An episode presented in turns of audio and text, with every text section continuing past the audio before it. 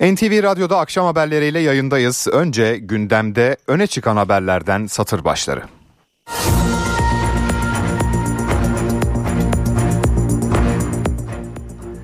Yerel seçim kampanyaları hızlandı. Yüksek Seçim Kurulu da seçmen bilgi kağıtlarının dağıtımına başladı. Bugün Cumhurbaşkanı Erdoğan Aydın'da, CHP lideri Özel Bursa'da, MHP Genel Başkanı Bahçeli ise Ankara'da parti yönetimi toplantısında konuştu. Neler söylediler aktaracağız. Müzik Bankacılık Düzenleme ve Denetleme Kurumu hemen herkesi ilgilendiren bir karar aldı. Riskli binalar için kentsel dönüşüme giren ev sahiplerine kredi kolaylığı sağlanacak. Nasıl bir kolaylık olacak? Gündemde ne var? Birazdan bültenimizde. Gazze'de ateşkes beklenirken son dönemin en kanlı günü yaşandı. İsrail Gazze'de yiyecek yardımı alabilmek için kuyrukta bekleyenleri vurdu. En az 104 kişi öldü. Rusya'da ise devlet başkanı Putin ulusa seslendi. NATO'yu uyardı. Ukrayna'ya asker göndermeleri halinde nükleer çatışma çıkacağını söyledi. Dünya gündemi yoğun ve gergin aktaracağız. Süper Lig'de gözler Beşiktaş Galatasaray derbisinde. Maçın hakemi belli oldu. Zorlu mücadele öncesinde Galatasaray'ın kupa mesaisi de olacak. Seyrantepe'de rakip Karagümrük. Olası 11'ler stat'taki atmosfer ve kulis notları bültenimizde olacak ve az önce gelen yayın ihalesinin iptal edildiği haberinden de bahsedeceğiz. Elbette daha fazlası da olacak. Ben Ege Berk Kiraz, NTV Radyo'da akşam haberleri başladı.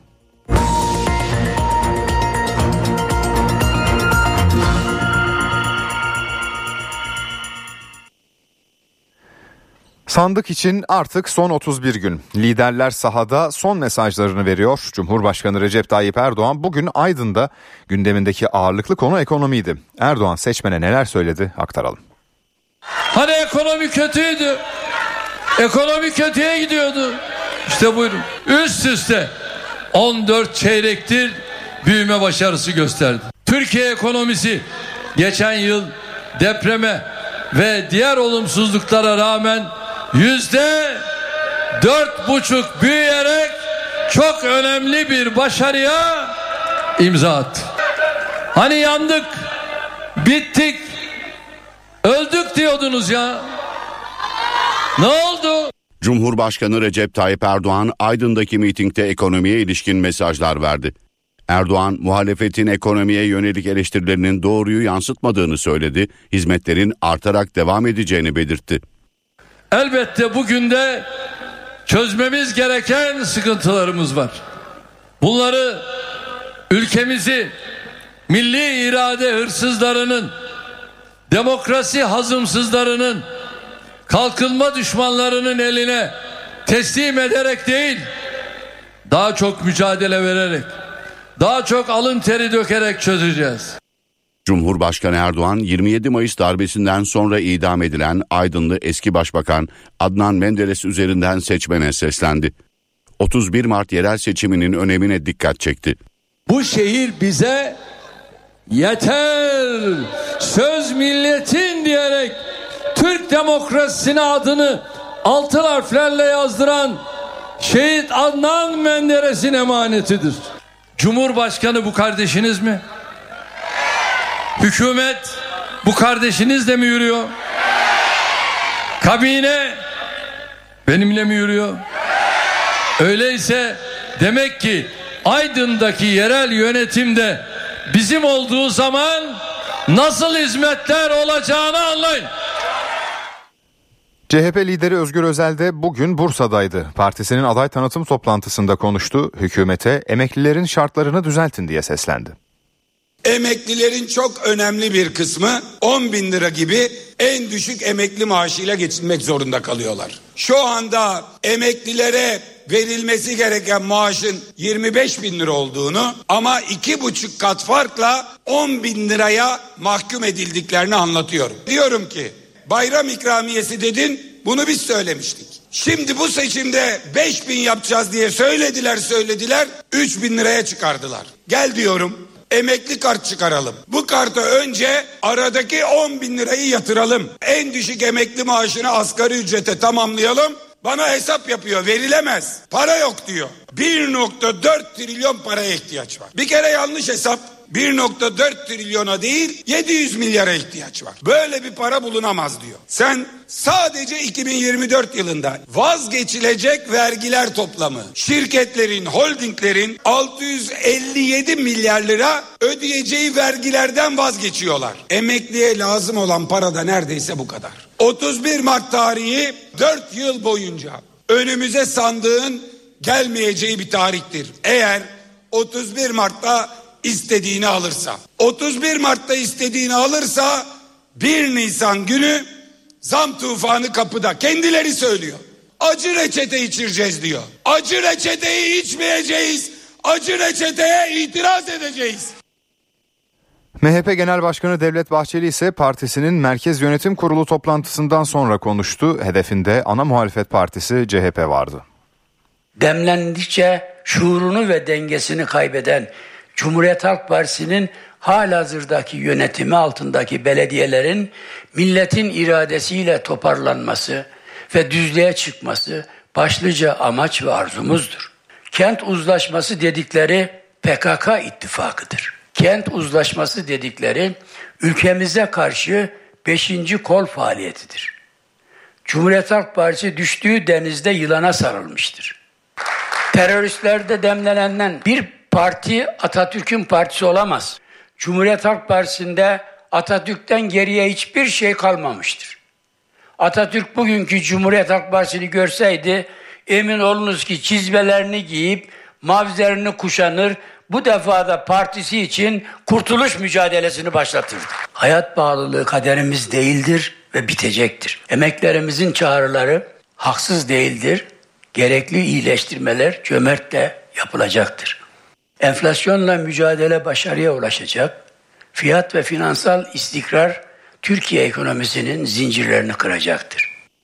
Yüksek Seçim Kurulu seçmen bilgi kağıtlarının dağıtımına başladı. Hatırlatalım seçmenler hangi sandıkta oy kullanacağını YSK'nın web sitesinden ve E-Devlet'ten de öğrenebiliyor.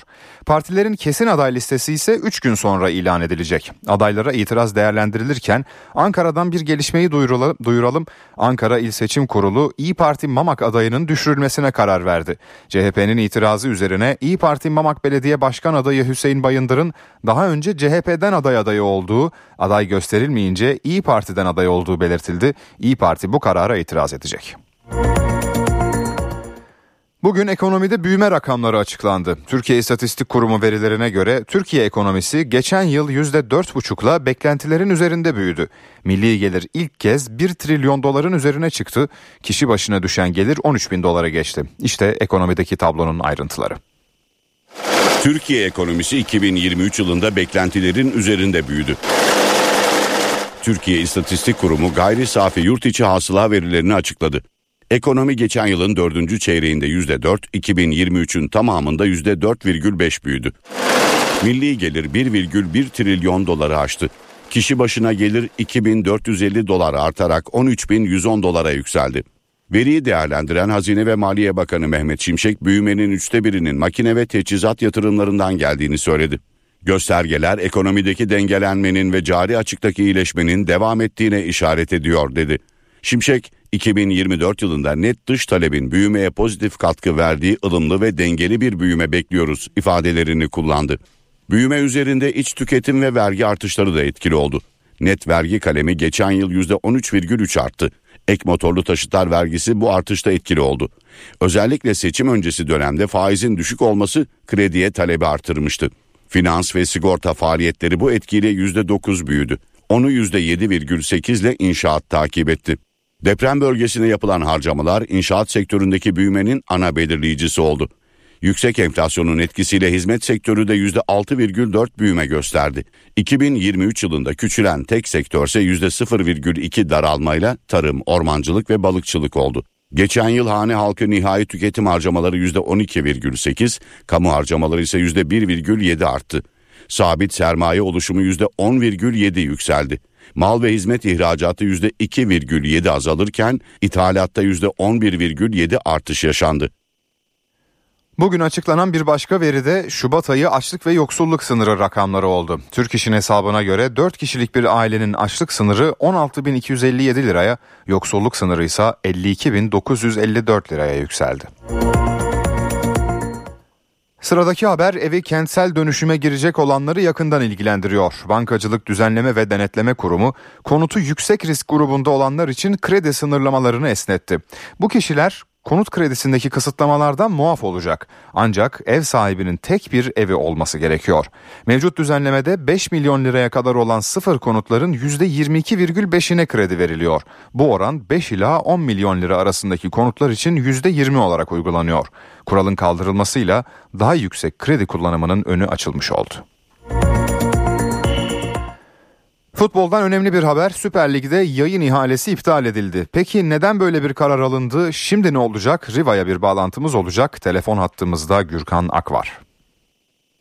İhale tekliflerin yetersiz bulunması nedeniyle iptal edildi. Aslında Son ihale sürecini hatırlarsak e, yine benzer bir tablo ortaya çıkmıştı. Evet orada farklı dinamikler de vardı. Türkiye Futbol Federasyonu Başkanı da değişmişti o dönem. Yaklaşık 4 aylık bir rötar vardı o ihale sürecinde ama e, burada da yine benzer bir tablo tekliflerin yetersiz bulunması nedeniyle ihale iptal edildi. Hatta şu dakikalarda Türkiye Futbol Federasyonu'nun resmi internet sitesinde bugünkü ihale toplantısıyla alakalı olarak açıklama resmi olarak girilmiş durumda. İfadeleri e, seslendirelim.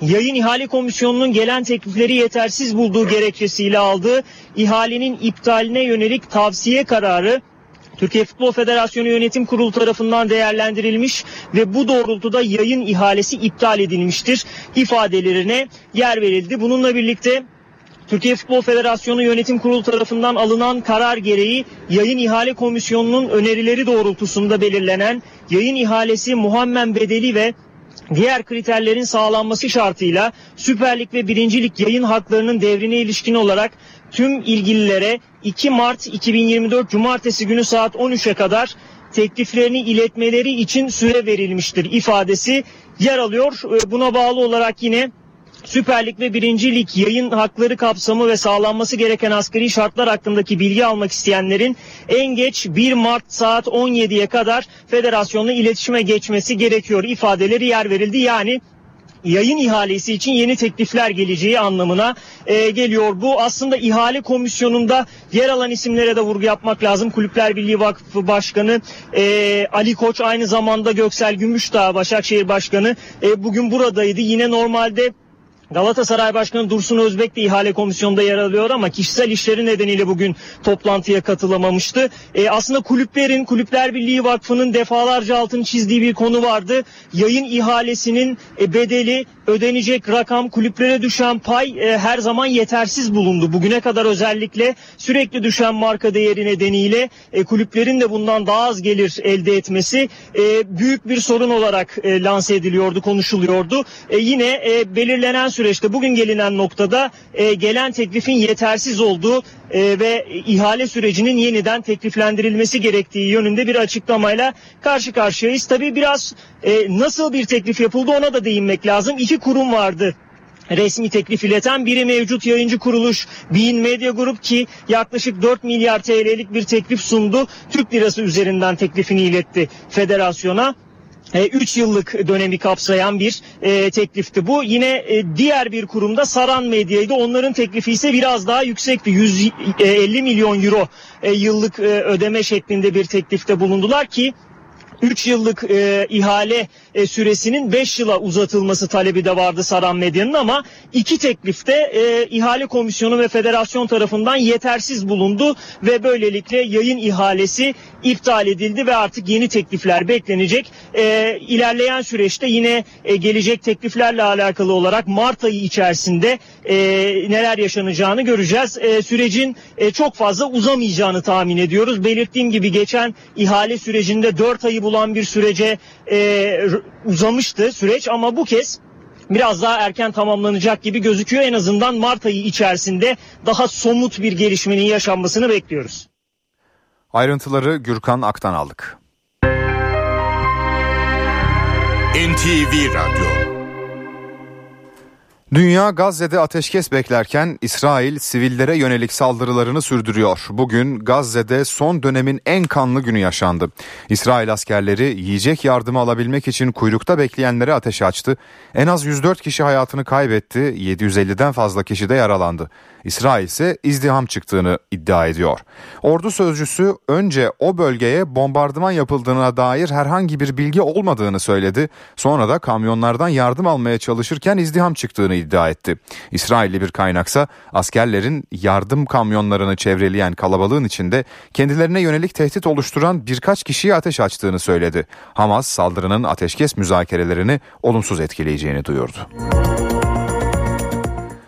Türk-Amerikan ilişkilerinde önemli bir başlık olan F-16'ların modernizasyonu ve yenilerinin teslimiyle ilgili önemli bir viraj dönüldü. Amerika'nın kabul mektubu Ankara'ya ulaştı. Haberi Milli Savunma Bakanlığı Basın ve Halkla İlişkiler Müşaviri Tu Amiral Zeki Aktürk duyurdu. 40 adet yeni F-16 Blok 70'in tedariki, mevcut 79 adet F-16'nın ise modernize edilmesi ile bunlara ait mühimmat, malzeme ve teçhizatı içeren talebimize ilişkin ABD tarafından gönderilen taslak teklif ve kabul mektupları bakanlığımıza ulaşmıştır. İlgili birimlerimiz gerekli inceleme ve değerlendirmelere başlamıştır. Amerika Birleşik Devletleri ile yapılan F-16 anlaşmasında önemli bir aşama daha geride kaldı. ABD'den gelen taslak teklif ve kabul mektupları Milli Savunma Bakanlığı'na ulaştı. İnceleme başladı. Milli Savunma Bakanlığı kaynaklarına göre Nisan ayı sonuna kadar inceleme ve değerlendirme süreci tamamlanacak. Ardından da iki ülkenin heyetleri bir araya gelerek anlaşmaya son şeklini verecek. Nihai anlaşma aşamasına gelindiğinde hem uçaklar hem de mühimmat maliyeti netleşecek ve teslimat süreci başlayacak. Teslimatların en az 4 yıl sonra başlaması bekleniyor. Milli Savunma Bakanlığı kaynakları bu sürenin kısaltılması için F-16 üretiminin ve modernizasyonunun Türkiye'de yapılması konusundaki talebin ABD makamlarına iletildiğini hatırlattı. Türkiye'nin savaş uçağı ihtiyacına ara çözüm olarak talep ettiği Eurofighter'lar içinde görüşmeler sürüyor. Almanya'nın itirazını kaldırması beklenirken üretici firmayla teknik düzeyde toplantıların sürdüğü vurgulandı. Kaynaklar Türkiye'nin ilk milli uçak gemisi projesinin konsept tasarımda önemli mesafe kat edildiğini de vurguladı. Terörle mücadele operasyonlarına ilişkin son veriler de paylaşıldı. Buna göre Irak ve Suriye'nin kuzeyinde son bir haftada 25 terörist etkisiz hale getirildi. Dünyanın gözü bugün Rusya Devlet Başkanı Putin'in vereceği mesajlara çevrilmişti. Putin yıllık ulusa sesleniş konuşmasında çok sert konuştu. Açık bir dille NATO'yu uyardı, Ukrayna'ya asker gönderilmesi halinde nükleer savaş çıkacağını söyledi. Batılı ülkeler Ukrayna'ya asker gönderme olasılığından bahsettiler. Böylesi bir müdahalenin sonuçları çok daha trajik olur. Batı'nın adımları nükleer silahların kullanıldığı bir çatışmayla medeniyetin yok oluşu riski yaratıyor. Rusya Devlet Başkanı Vladimir Putin, Rusya parlamentosundaki yıllık ulusa sesleniş konuşmasında Batı'ya nükleer savaş tehdidinde bulundu. Nükleer güçlerimiz göreve hazır. Onların topraklarını vurabilecek silahlarımız var. Nükleer çatışma riski olduğunu anlamıyorlar mı? Ukrayna'dan geri çekilmeyeceklerini söyleyen Rusya lideri Avrupa'ya saldırma planları olduğu iddiasını saçmalık olarak nitelendirdi. Orta Doğu'da ve dünyanın diğer bölgelerinde olduğu gibi Ukrayna'daki çatışmayı da Batı provoke etti. Batı bizi bir silahlanma yarışına sokup yormaya, içeriden zayıflatmaya çalışıyor. Bu numarayı Batı 1980'lerde Sovyetler Birliği üzerinde kullanıp başarıya ulaşmıştı. Hipersonik füzelerin hizmete girdiğini söyleyen Putin, yeni hipersonik silahların da yolda olduğunu vurguladı. Rus halkının Ukrayna savaşına desteğinin hala tam olduğunu savunan Putin, iç işlerimize karışmaya çalışan Batı hesap hatası yaptı diye konuştu. İsveç ve Finlandiya'nın NATO üyelikleri sebebiyle Rusya'nın batı sınırını güçlendireceklerini söyledi. Rusya Devlet Başkanı stratejik istikrar için ABD ile müzakere hazırız ancak kimse bizi zorlayamaz ifadelerini kullandı. Diyalog çağrısı yapıp bizi zayıflatmaya çalışan ABD iki yüzlü davranıyor diye konuştu. Putin Avrasya'nın güvenliğini konuşmaya hazır olduğunu da belirtti. Güçlü bir Rusya olmadan sıkı bir küresel düzenin imkansız olduğunu iddia etti. Fransa Cumhurbaşkanı Emmanuel Macron, Ukrayna'ya asker gönderilmesini gündeme getirmiş ancak müttefiklerinden destek bulamamıştı. NTV Radyo Kadın cinayetleri hızla artarken sanıklara iyi hal indirimi örnekleri de artıyor. Son haber Eskişehir'den. Tartıştığı kız arkadaşı Ayşenur Çolakoğlu'nu öldüren Hasan Fakıoğlu'na iyi hal indirimi yapıldı. Sanık dört el ateş ederek öldürmüştü ama mahkemede kazayla oldu dediği için iyi hal indiriminden yararlandı. Başına ve göğsüne isabet eden dört mermiyle hayatını kaybetti. Ayşenur'un tutuklu erkek arkadaşı kazayla vurdum dedi, iyi hal indirimi aldı. Kızımı canice katlettiler. Dört kurşun, dördü de ölümcül. Eskişehir'de yaşayan Ayşenur Çolakoğlu henüz 21 yaşındaydı. Hayalleri vardı. Kuaför dükkanı açmak istiyordu. Erkek arkadaşı Hasan Fakıoğlu bir tartışma sırasında yanında taşıdığı tabancayla genç kızı ateş açtı. Başından ve göğsünden dört kurşunla vurulan Çolakoğlu hayatını kaybetti. Tutuklu yargılanan Hasan Fakıoğlu'na karar duruşmasında son sözleri soruldu. Olay kazayla oldu. Öldürmek istemedim. Ailesinden özür diliyorum diyerek kendini savundu. Mahkeme Hasan Fakıoğlu'na kadına karşı nitelikli kasten öldürme suçundan ağırlaştırılmış müebbet hapis cezası verdi. Sanığa iyi hal indirimi uygulayan heyet cezayı müebbet hapis cezasına çevirdi. İndirim alamaz yani çünkü veliler hepsi ortada yani neden böyle oldu bilmiyorum yani. Neden yani beklemiyorduk böyle bir şey olamaz yani. Ayşenur Çolakoğlu'nun ailesi karara tepki gösterdi. Aile kararı bir üst mahkemeye taşıyacak. Bireysel silahlanmanın ölümle sonuçlandığı iki olay daha. İzmir'de bir kişi tabancanın kazayla ateşe alması sonucu kuzenini öldürdü. Sakarya'da ise bir kişi silahı kurcalarken kendisini vurdu. Yanında taşıdığı silahın ateş almasıyla kuzeninin ölümüne neden oldu. Sakarya'da ise silahını kurcalarken yanlışlıkla kendini vuran kişi öldü. İzmir'de 24 yaşındaki Eren Güney, kuzeni Metehan Güney ile motosikletle gezmeye çıktı. İddiaya göre bir marketin önünde motosikletini durdurdu ancak dengesini kaybetti. İkisi de yere düştü. Bu sırada arkada oturan Metehan Güney'in belindeki tabanca ateş aldı. Mermi kuzeni Eren Güney'in başına isabet etti. 24 yaşındaki genç olay yerinde hayatını kaybetti. Kaçan zanlı kısa sürede yakalandı. İlk ifadesinde olayın kazara meydana geldiğini söyleyen Güney tutuklandı. Sakarya'da da Mustafa Eraydın tabancasını kurcalarken kendini vurdu. Krom kaplama dükkanında çalışan Eraydın iddiaya göre iş yerinin bahçesinde arkadaşlarına kendisine ait ruhsatlı tabancayı gösteriyordu. Silah elindeyken ateş aldı. Tabancadan çıkan mermi Eraydın'ın başına isabet etti. 49 yaşındaki Eraydın olay yerinde hayatını kaybetti. Türkiye ve dünyadan hızlı bir haber turuyla devam edelim. Motorine indirim geldi. Bu gece yarısından geçerli olmak üzere motorinin litre fiyatı 1 lira 35 kuruş düşerek İstanbul'da 40 lira 65 kuruş, Ankara'da 41 lira 50 kuruş, İzmir'de 41 lira 70 kuruşa gerilecek. Benzinde ise değişiklik beklenmiyor. Tekirdağ Çorlu ilçesinde 6 yıl önce 25 kişinin hayatını kaybettiği tren kazasına ilişkin davanın duruşması bir kez daha ertelendi. 19. duruşma öncesi kazada yakınlarını kaybedenler protesto yürüyüşü yaptı. Mahkeme heyeti sanıkların son savunmasının alınmadığı gerekçesiyle davayı 25 Nisan'a erteledi. Tren kazasında 7'si çocuk 25 kişi hayatını kaybetmiş, 328 kişi yaralanmıştı. İstanbul Kağıthane'de internet kafeye silahlı saldırıyla ilgili gözaltına alınan 8 kişiden 4'ü tutuklandı. Zanlıların daha önce de bir polis memurunun şehit edilmesi dahil pek çok farklı suça karıştığı belirlenen Anacur çetesi üyesi olduğu ortaya çıktı. Silahlı suç örgütü yöneticiliğinden Erzurum Kapalı Cezaevinde tutuklu olan Adnan Oktar bu sabah Van cezaevine nakledildi. Oktar'ın iki yıldır kaldığı Erzurum cezaevinde çok sayıda kadın avukatla çok sık görüşme yaptığı belirtiliyordu. Adalet Bakanlığı konuyla ilgili inceleme başlatmıştı. Muğla'nın Bodrum ilçesinde tarlasını üzerine konut yapmak üzere dolduran bir kişiye 411 bin lira ceza kesildi. Arazinin 2 ay içinde eski haline dönüştürülmesi istendi. Aksi takdirde ceza tutarının 3'e katlanacağı bildirildi. Bodrum Kaymakamlığı tarım, zeytinlik ve mera alanlarına bu tür müdahalede bulunanları belirlemek için denetimlerin süreceğini bildirdi. Hızlı trenin Karadeniz'e gideceği açıklandı. Ulaştırma ve Altyapı Bakanı Abdülkadir Uraloğlu konuştu.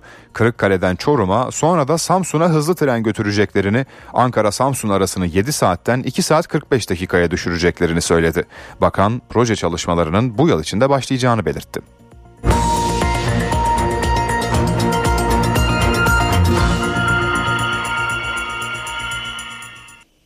Tropikal bölgelerde görülen mavi ışık bu kez Bursa'nın Mudanya ilçesinde parladı. Denizlerde nadir rastlanan bu doğa mucizesinin nedeni ne olabilir? NTV'den Baran Bila, İstanbul Üniversitesi Su Ürünleri Fakültesinden Profesör Gülşen Altuğ'a sordu.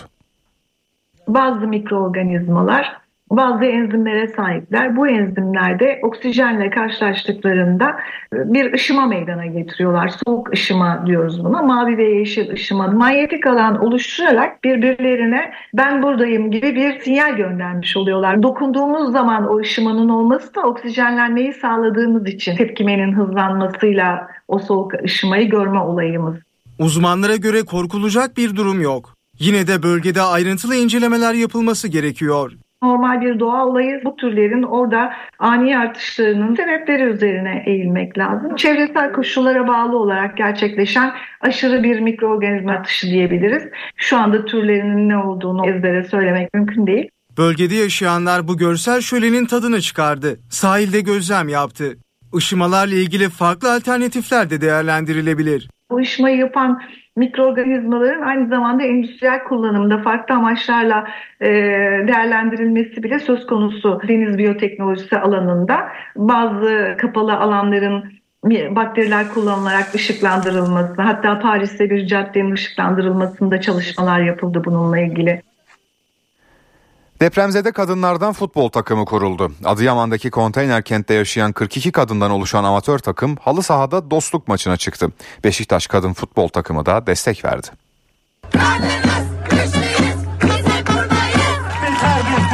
Kadınlar için gelecekteki Nasıl bir duygu bugün Beşiktaşlı futbolcular var aranızda? Muhteşem bir duygu anlatamayacağımız kadar güzel bir duygu. Sosyal aktiviteler bu tür e, aktiviteler bizim çok hoşumuza gidiyor. Hem farklı insanların gelmesi hem bizim de katılımımızla böyle güzel şeyler, güzel duygular yaşayabiliyoruz. Adıyaman'da Koç grubu tarafından kurulan Umut Kent'te yaklaşık 4000 kişi yaşıyor. Depremzede kadınlar felaketin izlerini silmek için kendi aralarında amatör bir kadın futbol takımı kurdu. 42 kadın sporcu Umut Kent'teki halı sahada ilk dostluk maçına çıktı. Sosyal sorumluluk projesi kapsamındaki etkinliğe Beşiktaşlı profesyonel kadın futbolcular da destek verdi. Ezgi Çağlar, Defne Gülümser ve Esma Çatal depremzede kadınlarla birlikte sahaya çıktı.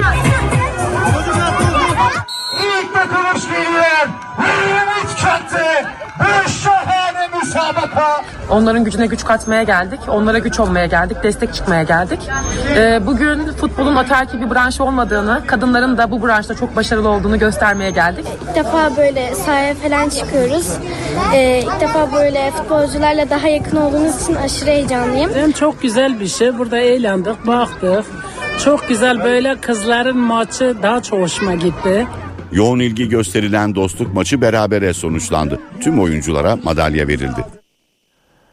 Uzun Covid yaşayanlarda beyin sisine paralel olarak zeka geriliği olabildiği belirlendi. Yeni araştırmanın çarpıcı sonuçlarını dinleyelim. Uzun Covid hastalarının IQ'sunda düşüş görülebiliyor. 112 binden fazla kişinin verilerinin incelendiği araştırmayla COVID-19'un beyne ve hafızaya etkileri mercek altına alındı. İngiltere'deki Imperial College London araştırmacıları beyin sisi denen ve tam olarak tanımı yapılamayan rahatsızlığın ölçülebilir etkileri olduğunu ortaya koydu. Çalışmaya katılanların zeka, dikkat, neden sonuç ilişkisi kurabilme gibi beyinsel yetenekleri ölçüldü. Çıkan sonuca göre bazı uzun Covid hastalarının hastalığa yakalandıktan 3 ay sonra semptomları yok olsa bile IQ'larında Covid'e yakalanmayanlara oranla 3 puan düşüş görüldü. Uzun Covid'e yakalanıp semptomları 12 haftadan uzun süre devam edenlerin IQ'sundaki düşüşse 6 puan olarak ölçüldü. Durum Covid-19'u ağır geçirip hastaneye yatmak zorunda kalanlarda ise daha vahim. Covid'i ağır geçirenlerdeki IQ düşüşünün 9 puan olduğu tespit edildi. Birleşmiş Milletler verilerine göre dünyada en az 65 milyon kişi halen uzun Covid ile mücadele ediyor. NTV Radyo, Türkiye'nin haber radyosu.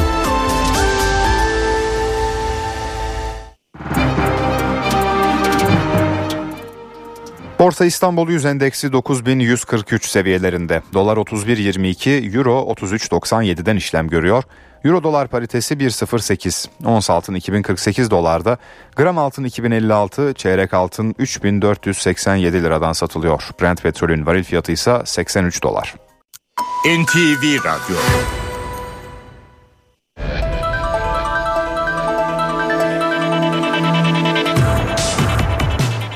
Türk futbolunda sonucu merak edilen yayın ihalesi iptal edildi. Teklifleri yetersiz bulan federasyon katılımcılara yeni teklifler için cumartesi gününe kadar süre verdi. Federasyondan yapılan açıklamada ihale için verilen teklif bedellerinin yetersiz bulunduğu belirtildi. Federasyon ihale bedeli ve diğer kriterlerin sağlanması şartıyla Süper Lig ve 1. Lig yayın haklarının devrine ilişkin olarak tüm taraflara 2 Mart Cumartesi günü saat 13'e kadar tekliflerini iletmeleri için süre verdi. Yayın haklarının kapsamı ve sağlanması gereken asgari şartlar hakkında bilgi almak isteyenlerin en geç 1 Mart 17'ye kadar federasyonla iletişime geçmeleri istendi. Beşiktaş Galatasaray maçını Halil Umut Meler yönetecek. Deneyimli hakem Ankara'da maruz kaldığı saldırıdan sonra ilk kez bir derbide düdük çalacak. Deneyimli hakem Aralık ayındaki Ankara Gücü Rize Spor maçında başkent ekibinin o dönemki başkanı Faruk Koca ve yanındakiler tarafından saldırıya uğramış ardından bir ay hakemlik yapmamıştı. Meler sahalara döndükten sonra Süper Lig'de iki maçta görev aldı. İlk yarıdaki Galatasaray Beşiktaş derbisini de yöneten Meler bu derbide de görev yapacak. Dev mücadele pazar günü Tüpraş stadında oynanacak. Fernando Santos Galatasaray karşısında kendi oyun planlarını sahaya yansıtacaklarını söyledi. Beşiktaş Teknik Direktörü gol yemeden kazanmaya devam etmeliyiz dedi. Beşiktaş'ta gözler Galatasaray derbisine çevrildi. Teknik direktör Fernando Santos Ümraniye Nevzat Demir tesislerinde kameraların karşısına geçti. Sessões orientadas Galatasaray'a karşı özel bir planımız olmayacak. Tabii ki rakibimizi analiz ediyoruz. Ancak benim için önemli olan kendi futbol anlayışımızı sahaya yansıtabilmek. Futbolcularım bunu uygulayabilmek için çok çalışıyor. Çabalarından dolayı çok memnunum. Beşiktaş son 4 maçında da kalesini gole kapatmayı başardı. Siyah beyazlılar bu karşılaşmaların üçünü de kazandı. Kazanma alışkanlığını edinebilmek çok önemli. Gol yemeden galip gelmeye devam etmeliyiz. Hücumda daha hedefe odaklı ve hızlı olmalıyız. Beşiktaş kontratak oynamaz. Takım oyunumuzu geliştirmeliyiz. Antrenmanlarda çok iyi çalışıyoruz. Bunları maçlara yansıtmamız gerekiyor. Fernando Santos gelecek sezonun kadro planlamasını yapmaya başladıklarını sözlerine ekledi. Beşiktaş taraftarına da seslenen Santos 90 dakika boyunca destek istedi. Derbi öncesi Salih Uçan'ın durumu belirsiz. Jetson Fernandez ve Bahtiyar Zaynutdinov cezalı, Tayfur Bingöl'ün sakatlığı sürüyor. Beşiktaş Galatasaray'ı pazar saat 19'da Tüpraş stadında konuk edecek. Zira Türkiye Kupası'nda son yarı finalist belli olacak. Galatasaray bu akşam saat 20.45'te Fatih Karagümrük'ü ağırlayacak. Süper Lig'de liderliğini sürdüren Galatasaray Türkiye Kupası hedefi için sahaya çıkıyor. Okan Buruk'un ekibi çeyrek final maçında bu akşam 20.45'te Fatih Karagümrük'ü konuk edecek. Sarı Kırmızılılarda iki eksik var. Hakim Ziyech ve Serge Aurier'in tedavileri sürüyor. Okan Buruk'un takımını sahaya Günay, Kaan Sanchez, Nelson Berkan, Oliveira Eyüp, Tete, Kerem Aktürkoğlu, Zaha ve Vinicius ilk 11 ile çıkarması bekleniyor. Türkiye Kupası'nı en son 2019'da kazanan Galatasaray 5. turda Ümraniye Sporu son 16 turunda Bandırma Sporu elemişti. Galatasaray Fatih Karagümrük eşleşmesinin galibi yarı finalde Trabzonspor'la karşılaşacak. Rams Park'ta 20.45'te başlayacak mücadelenin hakemi Arda kardeşler. Bir dönemin en pahalı futbolcusu Paul Pogba kariyerinin dip noktasında. Doping testleri pozitif çıkan Fransız orta sahanın 4 yıllık men cezası kesinleşti. Eylül ayında verdiği numunede testosteron seviyesini arttıran bir maddeye rastlanan Pogba'nın B numunesi de pozitif çıktı. İtirazı reddedilen 30 yaşındaki oyuncunun tedbirli aldığı 4 yıllık men cezası onandı. Juventus'la sözleşmesi devam eden Fransız orta saha sahalara Eylül 2027'den önce dönemeyecek. 2016 yılında Manchester United'a 105 milyon euroya imza atan Pogba 100 milyon barajını aşan bonservise ulaşan ilk futbolcu olmuştu.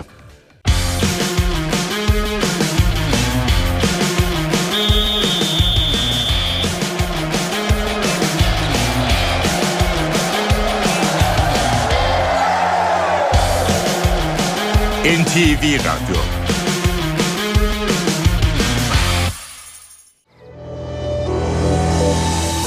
Ülkenin kuzeyinde sis devam ediyor. Anadolu genelinde ise güneşli ve ılık bir hava var. İstanbul'da cuma günü de sis oluşacağından hava diğer kentlerden daha serin olacak. Sıcaklık kuzeyde 13, Tuzla ve güney kesimlerde 17 derece. Hafta sonu yerel yağmur var ve hava soğuk geçecek. Ankara puslu 17, Bursa puslu 16, Antalya biraz bulutlu 20 derece. İzmir 19 derece, öğleden sonra yağmur var. Marmara'da rüzgar hafif. Kocaeli, Çanakkale, Sakarya, Yalova boyunca yer yer yoğun sis sürüyor ve bu hava koşulları sıcaklığın yükselmesini engelliyor. 14-16 dereceyi geçmiyor. Hafta sonu bölgede yerel yağmurlar var. İç Anadolu Cuma da güneşli. Bahar havasının etkisinde olacak. Sıcaklık 16-17 dereceye kadar yükseliyor. Hafta sonu ise gök gürültülü sağanak geçişleri bekleniyor ve sıcaklık pazar günü 4-5 derece düşecek. Ege'de cuma öğleden sonra kıyı kesimlere gök gürültülü sağanak yağış geliyor. Dolu yağışı da bekleniyor. Muğla 18, Manisa 19, Afyon 15, Bodrum yağmurlu 20 derece. Yağmur hafta sonu da sürecek.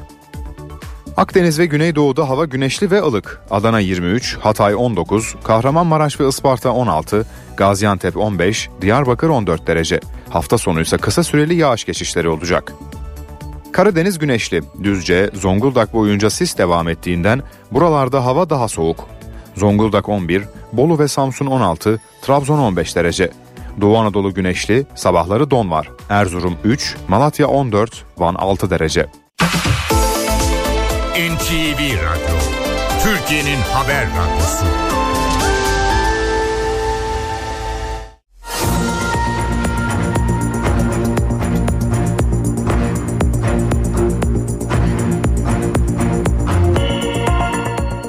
NTV Radyo'da gelişmeleri aktarmayı sürdürüyoruz. Dünya Gazze'de ateşkes beklerken İsrail sivillere yönelik saldırılarını sürdürüyor. Bugün Gazze'de son dönemin en kanlı günü yaşandı. İsrail askerleri yiyecek yardım alabilmek için kuyrukta bekleyenlere ateş açtı. En az 104 kişi hayatını kaybetti, 750'den fazla kişi yaralandı. İsrail ise izdiham çıktığını iddia ediyor. Ordu sözcüsü önce o bölgeye bombardıman yapıldığına dair herhangi bir bilgi olmadığını söyledi. Sonra da kamyonlar kamyonlardan yardım almaya çalışırken izdiham çıktığını iddia etti. İsrailli bir kaynaksa askerlerin yardım kamyonlarını çevreleyen kalabalığın içinde kendilerine yönelik tehdit oluşturan birkaç kişiye ateş açtığını söyledi. Hamas saldırının ateşkes müzakerelerini olumsuz etkileyeceğini duyurdu. Beyaz Saray'dansa vahim durumun farkındayız, masum insanların ölümünün yasını tutuyoruz açıklaması geldi. Futbolda sonucu merak edilen yayın ihalesi iptal edildi. Teklifleri yetersiz bulan federasyon katılımcılara yeni teklifler için cumartesi gününe kadar süre verdi. Federasyondan yapılan açıklamada ihale için verilen teklif bedellerinin yetersiz bulunduğu belirtildi. Federasyon ihale bedeli ve diğer kriterlerin sağlanması şartıyla Süper Lig ve 1. Lig yayın haklarının devrine ilişkin olarak tüm taraflara 2 Mart Cumartesi günü saat 13'e kadar tekliflerini iletmeleri için süre verdi.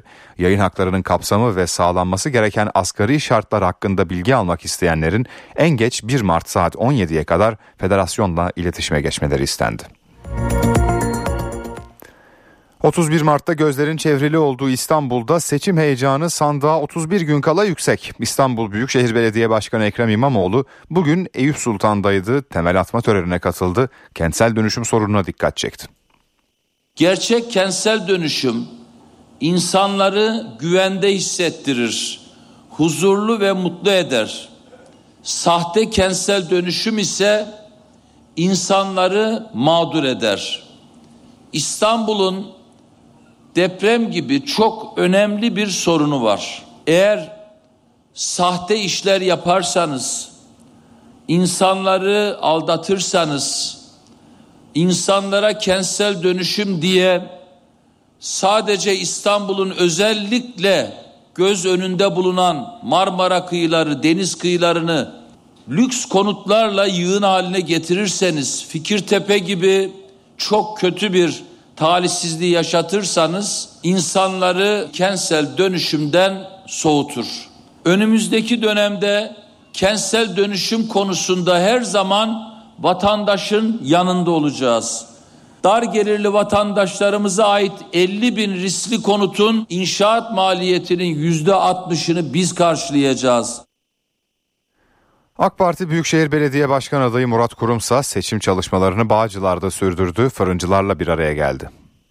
Afete hazırlık noktasında afetin ilk anında vatandaşımıza her türlü hizmetleri verebileceğimiz bir anlayışla çalışacağız. İstanbul'un her mahallesine o ilk günde sıcak ekmek çıkaracak mobil ekmek fırınlarını sizlerle birlikte kuracağız. İstanbul'un 964 mahallesine yetecek mobil ekmek fırınlarını işte buradaki değerli esnafımızla birlikte kuracak. Başına buyruk bir şekilde çalışan fırınları tek tek biliyorum. Fırıncılar odamızın denetimi dışında ruhsatsız bir şekilde faaliyet gösteren bu işletmelerden hepiniz şikayetçisiniz. Daha fazla mağdur olmanıza biz İstanbul Büyükşehir Belediyesi olarak asla izin vermeyeceğiz. 1 Nisan'dan itibaren İstanbul'da tek bir denetimsiz, sağlıksız, ruhsatsız fırın işletmesi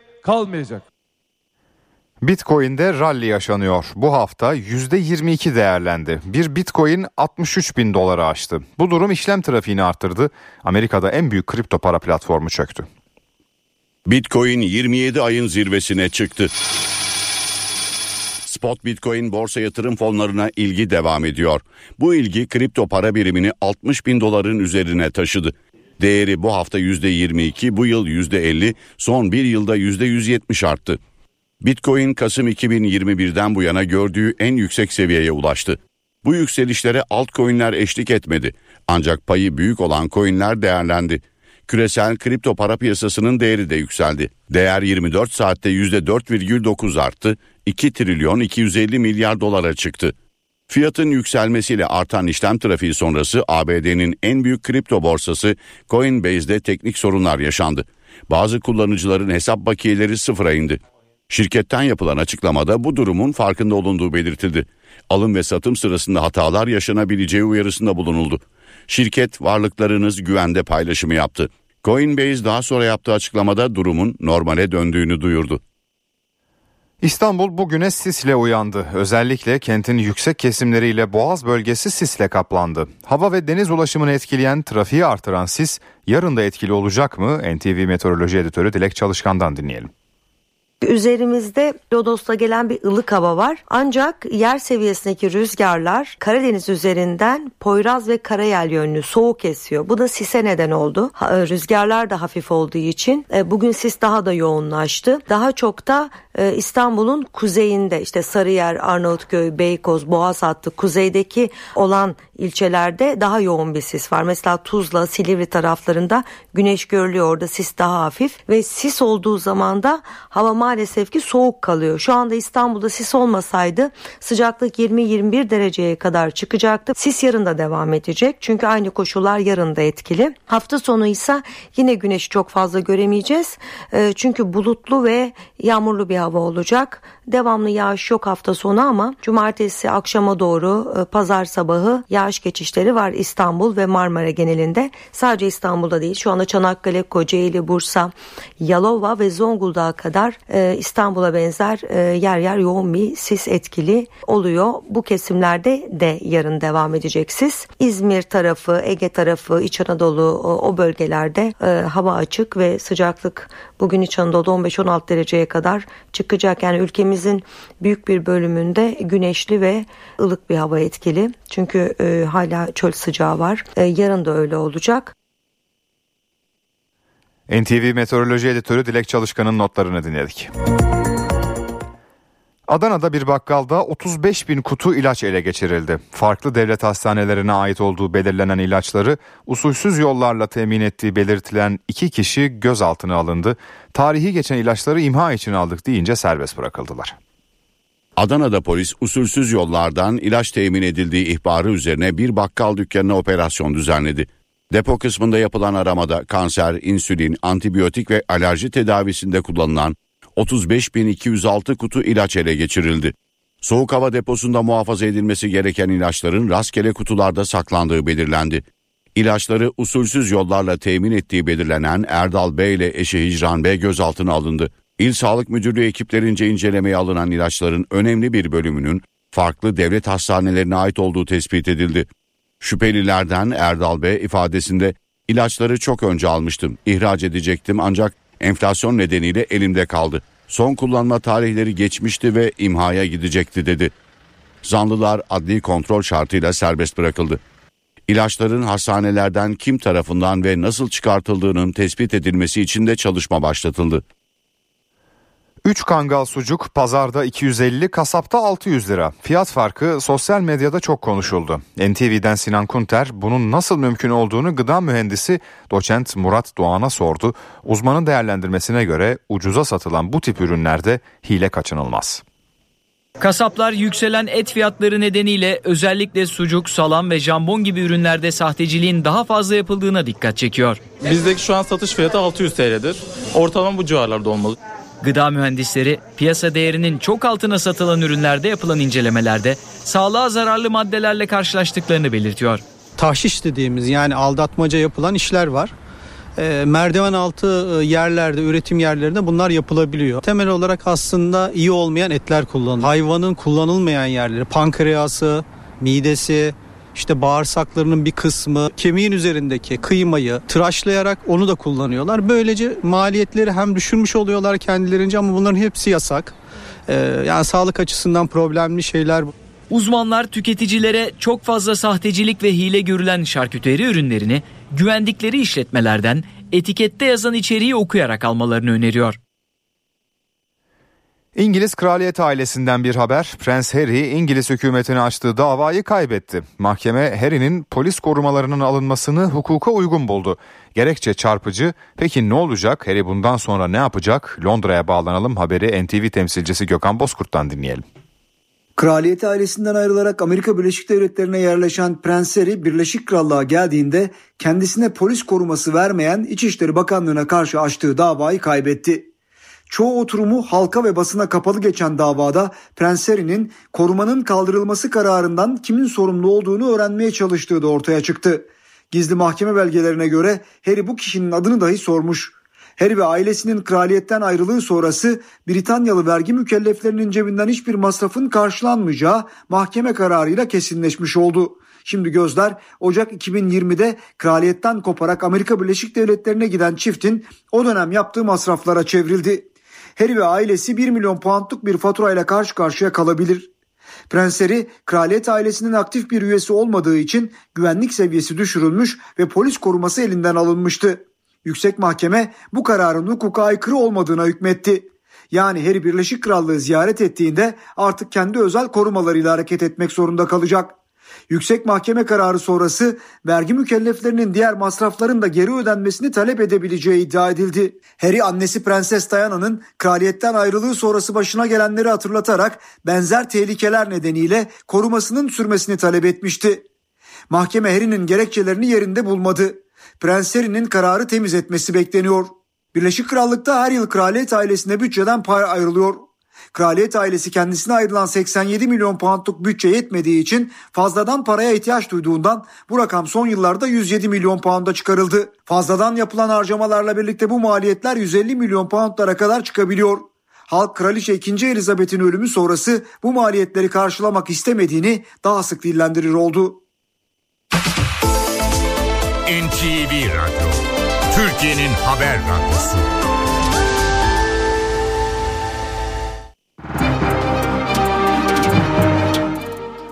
Borsa İstanbul Yüz Endeksi 9210 seviyelerinde. Dolar 31.22, Euro 33.99'dan işlem görüyor. Euro dolar paritesi 1.08. Ons altın 2048 dolarda. Gram altın 2055, çeyrek altın 3486 liradan satılıyor. Brent petrolün varil fiyatı ise 83 dolar. NTV Radyo,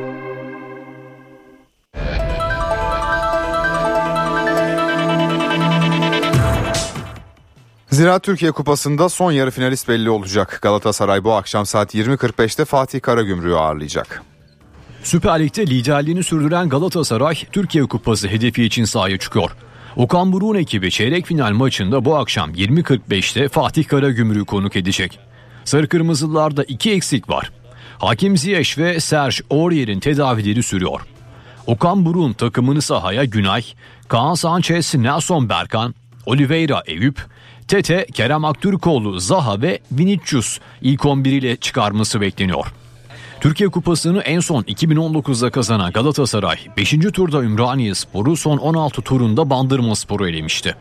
Galatasaray Fatih Karagümrük eşleşmesinin galibi yarı finalde Trabzonspor'la karşılaşacak. Rams Park'ta 20.45'te başlayacak mücadelenin hakemi Arda kardeşler. Fernando Santos Galatasaray karşısında kendi oyun planlarını sahaya yansıtacaklarını söyledi. Beşiktaş Teknik Direktörü gol yemeden kazanmaya devam etmeliyiz dedi. Beşiktaş'ta gözler Galatasaray derbisine çevrildi. Teknik direktör Fernando Santos Ümraniye Nevzat Demir tesislerinde kameraların karşısına geçti. Sessões orientadas eh, Galatasaray'a karşı özel bir planımız olmayacak. Tabii ki rakibimizi analiz ediyoruz. Ancak benim için önemli olan kendi futbol anlayışımızı sahaya yansıtabilmek. Futbolcularım bunu uygulayabilmek için çok çalışıyor. Çabalarından dolayı çok memnunum. Beşiktaş son 4 maçında da kalesini gole kapatmayı başardı. Siyah beyazlılar bu karşılaşmaların üçünü de kazandı. É a primeira vez que não é só os jogos, é nos treinos. Kazanma alışkanlığını edinebilmek çok önemli. Gol yemeden galip gelmeye devam etmeliyiz. Hücumda daha hedefe odaklı ve hızlı olmalıyız. Beşiktaş kontratak oynamaz. Takım oyunumuzu geliştirmeliyiz. Antrenmanlarda çok iyi çalışıyoruz. Bunları maçlara yansıtmamız gerekiyor. Fernando Santos gelecek sezonun kadro planlamasını yapmaya başladıklarını sözlerine ekledi. Beşiktaş taraftarına da seslenen Santos 90 dakika boyunca destek istedi. Derbi öncesi Salih Uçan'ın durumu belirsiz. Jetson Fernandez ve Bahtiyar Zaynutdinov cezalı, Tayfur Bingöl'ün sakatlığı sürüyor. Beşiktaş Galatasaray'ı pazar saat 19'da Tüpraş stadında konuk edecek. Euroleague heyecanı geri dönüyor. Anadolu Efes galibiyet serisini devam ettirmek için Partizan karşısında parkeye çıkacak. Baş antrenör Erdem Can'la yollarını ayırdıktan sonra maçlarına Tomislav Mijatovic yönetiminde çıkan lacivert beyazlılar Euroleague'deki son iki maçını kazanmıştı. Partizan Anadolu Efes maçı saat 22.30'da başlayacak. Fenerbahçe Beko ise yarın Baskonya ile karşılaşacak. Sev Kadınlar Şampiyonlar Ligi'nde son 4 takımın en az ikisi Türkiye'den olacak. Eczacıbaşı Dynavit ve Fenerbahçe Opet adlarını yarı finale yazdırdı. Eczacıbaşı Dynavit İtalya'da Savino Del Bene'yi 3-2 yendi. Eczacıbaşı yarı finalde Vakıfbank Imoko eşleşmesinin galibiyle karşılaşacak. İlk maçı Imoko 3-1 kazanmıştı. Diğer çeyrek final eşleşmesinde Fenerbahçe Opet ilk maçı 3-2 kaybetmesine rağmen Allianz MTV'yi 3-1 yenerek tur atlamayı başardı. Sarı lacivertliler yarı finalde Komerekon Allianz ve Rovoley eşleşmesinin galibiyle karşılaşacak.